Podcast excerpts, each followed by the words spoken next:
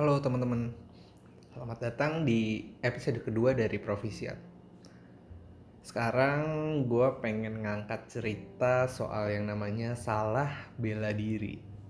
Bukan bela diri kungfu, bukan bela diri Wing Chun, bukan bela diri karate ya. Judul ini muncul dari keresahan gue pribadi sih terhadap kejadian di hidup gue gitu. Ya semoga can relate dan bermanfaat ya buat kalian. Oke, coba mulai kita bahas aja ya. Dan anyway obrolan ini kayaknya bakal cocok banget buat kalian yang lagi ada di umur-umur antara 20 sampai 30 sih kayaknya. Semoga. Ada banyak fenomena-fenomena hidup yang gue pikir kayaknya banyak berubah sih dari diri kita gitu. Kita hadepin juga mungkin berubah gitu. Ya wajar, umur segitu biasanya memang transisi di mana kita mulai mikirin gitu kehidupan kita ke depan tuh mau gimana sih gitu. Kadang-kadang kita mikir kayak we are not kids anymore gitu. Kayak oh iya bukan anak kecil lagi. Tapi ya beberapa case nah ini yang kadang-kadang menjadi masalah gitu. Biasanya kita kalau lagi mikirin-mikirin hal-hal tersebut tuh suka nggak tahu batas nggak sih? Kayak keterusan gitu. Yang ujung-ujungnya apa? Malah jadi overthinking. Dan gue yakin kalau kalian yang ada di umur-umur tadi sebagian besar pasti kenal yang namanya overthinking gitu. Overthinking itu apa sih gitu sebenarnya? Overthinking itu kalau misalkan gue baca di salah satu artikel sebenarnya overthinking itu basicnya adalah kita mikirin segala sesuatu tapi berlebihan gitu loh. Dan nggak mesti masalah gede gitu loh. Bisa masalah sepele atau cuman kehidupan sehari-hari gitu atau trauma misalkan. Yang akhirnya kita nggak bisa berhenti mikirin itu gitu. Nah buat teman-teman yang sering overthinking dikontrol ya overthinkingnya. Karena memang di sini juga dibilang bahwa overthinking itu nggak sehat lah buat diri kita. Tapi kali ini gue bukan mau ngasih konsultasi kesehatan soal dampak dari overthinking itu apa enggak gue lebih mau ngebahas ke yang biasanya kita overthinking ini gitu. Oke. Sekarang gue mau masuk ke salah bela diri yang pertama nih gue akan coba mulai dengan ngilustrasiin suatu keadaan nih untuk salah bela diri yang pertama. Biasanya di umur-umur 20 sampai 30 gitu ya.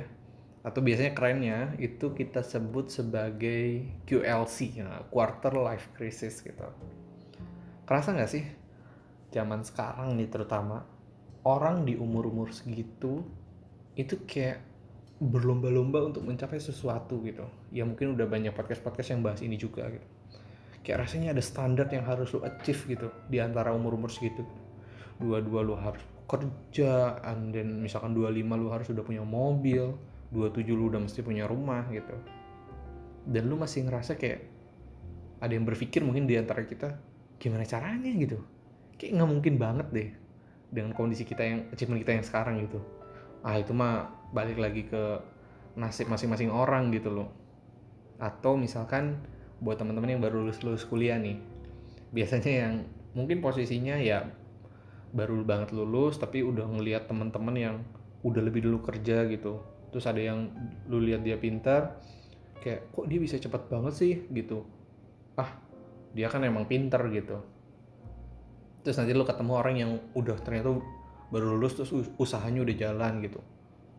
Terus kita bilang kayak kepikiran ah dia usahanya udah jalan aja. Ah tapi memang dia mah udah dari dulu sih usahanya gitu. Ah nanti giliran ketemu kayak yang nggak pintar tapi udah ngeduluanin kerja juga muncul lagi alasannya.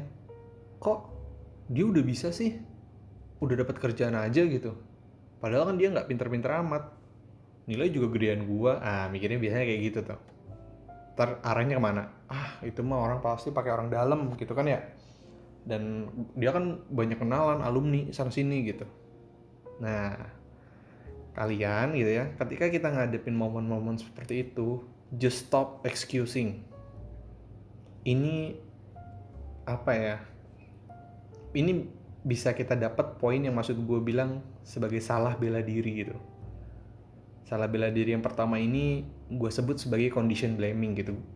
Seakan-akan kita cuman apa ya membela diri bahwa ah dia mah begini ah dia mah begitu gitu. Ya kalau secara definisi mungkin kita bisa simpulin condition blaming itu kayak momen di mana kita nyalahin keadaan internal sih lebih ke diri kita gitu. Dia kan punya ini gua kan nggak punya gitu. Terus itu mempengaruhi keberhasilan gitu. Nah sekarang kita bahas gitu kenapa contoh-contoh tadi itu bisa kita sebut sebagai condition blaming gitu. Satu mereka yang tadi kita bilang cepet kerja karena pinter itu ya mungkin memang mereka udah banting tulang dulunya belajar dari pagi sampai malam malam ketemu pagi lagi. Yang di saat itu mungkin kita lagi asik dengan Instagram Facebook gitu kan ya dan lain-lain gitu yang akhirnya mereka achieve duluan achievement mereka yang udah mereka tanam dari dulu gitu. Yang kedua mereka yang tadi kita bilang usahanya udah jalan nih. Ya mungkin mereka juga udah pernah ngelewatin masa gagal malunya jualan ditipu ngorbanin jam main ngorbanin jam tidur. Untuk apa? Untuk belajar bisnis. Walaupun cuman kecil-kecilan. Gitu. Yang lagi-lagi mungkin pada saat teman kita ngelakuin hal-hal tersebut kita lagi ngapain lagi asik sama Mobile Legend. Lagi asik sama Dota COC atau apa? Yang terakhir nih. Mereka yang tadi kita bilang sekolahnya biasa aja tapi udah dapet ternyata kerjanya duluan juga gitu loh. Ya mungkin dia juga udah lebih dulu menangkap kesempatan itu gitu loh.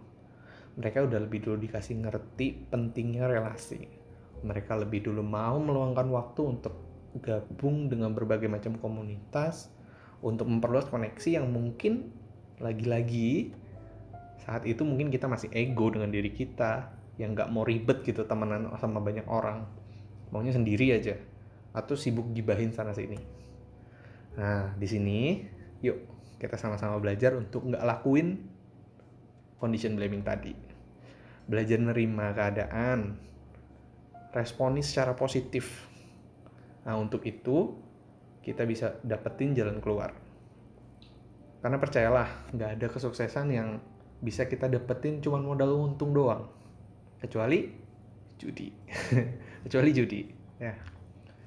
Sekarang kalau misalkan di antara kita ada yang mikir kayak ya elah lu mah ngomong doang gampang gitu kan ya. Gue udah nyobain semua hal itu. Gue udah usaha. Gue udah belajar mati-matian ya kan gue udah bangun relation sana sini tetap aja gitu kan ya. Habis itu apa? Habis itu kita bilang lagi nemuin kata-kata motivasi yang banyak beredar sekarang-sekarang nih. Apa? Trust the process. Starting point orang kan beda-beda. Nggak bisa disamain. Give your best and let get the rest gitu. Kalau ada dengar kata-kata itu tuh. Yes gue setuju sama pemikiran itu. Kalau misalkan ada yang berpikir seperti itu ya tapi justru dari pemikiran itu gue mau masuk ke salah bela diri yang kedua nih. Gue mau kasih satu contoh nih untuk masuk bridging ke salah bela diri yang kedua. Tapi yang tadi udah clear ya jangan condition blaming gitu. Jangan pembelaan yang sebenarnya salah juga gitu kita pembelaan seperti itu. Sekarang cerita yang kedua. Let's say ada orang yang baru aja ngadepin problem gitu ya cukup berat gitu tapi bagusnya dia nih nggak kelihatan nyerah nih sebenarnya. Kalau kita lihat dia nggak kelihatan nyerah sama diri dia. Beberapa kali kita lihat dia melakukan self motivation gitu. Tapi persis pakai kata-kata yang tadi kita diskusiin gitu. Trust the process. Tiap orang kan time frame-nya ada masing-masing gitu. Give your best and let God do the rest misalkan kayak gitu. Nah kata-kata yang dia pakai untuk self motivation itu tuh nggak salah sebenarnya gitu. Tapi tindakan yang dia lakuin secara aktual kalau misalkan yang dia lakuin cuma pasrah dengan keadaan dan do nothing gimana? Nah, dia itu hanya memanfaatkan kata-kata motivasi tersebut seakan-akan tuh kayak cuma untuk ngulur waktu. Ngulur waktu buat nungguin dunia tuh seakan-akan kapan sih dunia berpihak sama gua gitu loh. Dan inilah yang mungkin bisa kita sebut sebagai salah bela diri yang kedua, yaitu situation blaming. Situation blaming ini kalau bisa kita simpulin mungkin momen di mana kita nyalain keadaan eksternal gitu ya yang mempengaruhi keberhasilan gitu. Dan kenapa sih kata-kata tadi itu kata-kata motivasi tadi itu bisa jadi situation blaming? Karena nggak sedikit yang akhirnya masalahnya nggak beres gitu karena kita cuma berlindung di bawah kata-kata motivasi yang sebenarnya mungkin saat kita lagi facing problem itu emosi lagi nggak stabil malah jadi mengartikan kata-kata tersebut juga salah gitu loh. Sekarang kita ambil contoh. Ketika kita bilang I'll give my best and let God do the rest gitu. Ya jadi malah berubah yang harusnya kita do the best in everything gitu. Malah jadi I will rest and let God do the rest gitu kayak. Biar kita istirahat gitu ya nunggu Tuhan yang lakuin gitu kita percaya aja sama Tuhan nggak gitu kan gitu. Kalau memang kita butuh waktu untuk meresponi keadaan kita masing-masing gue setuju banget. Setiap orang pasti butuh waktu. Tapi ingat jangan lupa buat komitmen sama diri sendiri mau sampai kapan gitu. Mau sampai kapan? Jangan terlalu lama lu bergulat dengan overthinking yang sebenarnya juga nggak sehat buat lu gitu. Oke. okay. For conclusion mungkin kita sekarang udah sama-sama belajar nih bahwa apa pun masalah yang kita hadepin ya jangan sampai kita situation blaming ataupun condition blaming. Jangan banyak pembelaan diri gitu loh. Daripada lu sibuk nyalahin situasi atau kondisi yang ada lebih baik lu fokus sama apa yang lu punya. Pikirin apa yang bisa lu buat dengan itu gitu loh. Satu persatu masalah hidup lu, lu beresin masalah selanjutnya udah ngantri. Percaya sama gue jangan ngabisin waktu lu dengan blaming sana sini. Anggap itu cara Tuhan untuk selangkah demi selangkah buat diri lu jadi lebih dewasa. Mungkin itu aja kali ya untuk episode kali ini. Ingat teman-teman pasti ada jalan